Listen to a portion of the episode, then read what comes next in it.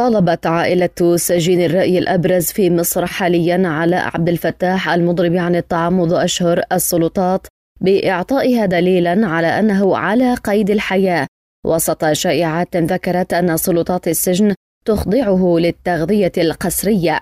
في المقابل رد مسؤولون مصريون على الضغوط الدولية المطالبة بالإفراج عن الناشط المصري بالقول إن الشأن قضائي وإن عبد الفتاح خضع لمحاكمة وصدر في حقه حكم وتوقف عبد الفتاح عن تناول مياه الشرب مع افتتاح مؤتمر الأطراف حول المناخ بإشراف الأمم المتحدة في شرم الشيخ. ومنذ ذلك الحين تقصد والدته ليلى سويف الأستاذة الجامعية سجنه في وادي النطرون الذي يبعد 100 كيلومتر شمال القاهرة لكنها لم تتمكن من إيصال كتب وملابس له.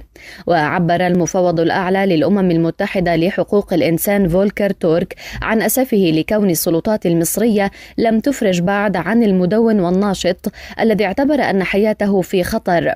وأثار هذا الموقف غضبا لدى البعثة المصرية إلى الأمم المتحدة في جنيف فرفضت بيان المفوض السامي الذي اعتبرت أنه ينتهك مبادئ الحيادية والموضوعية. وكان الناشط المصري البريطاني أحد رموز ثورة العام 2011 التي أطاحت بالرئيس حسني مبارك اعتقل في 2019 وحكم عليه بالسجن لخمس سنوات في 2021 بتهمة نشر أخبار كاذبة لقيامه بإعادة نشر تغريدة على تويتر تشير إلى وفاة سجين في حبسه.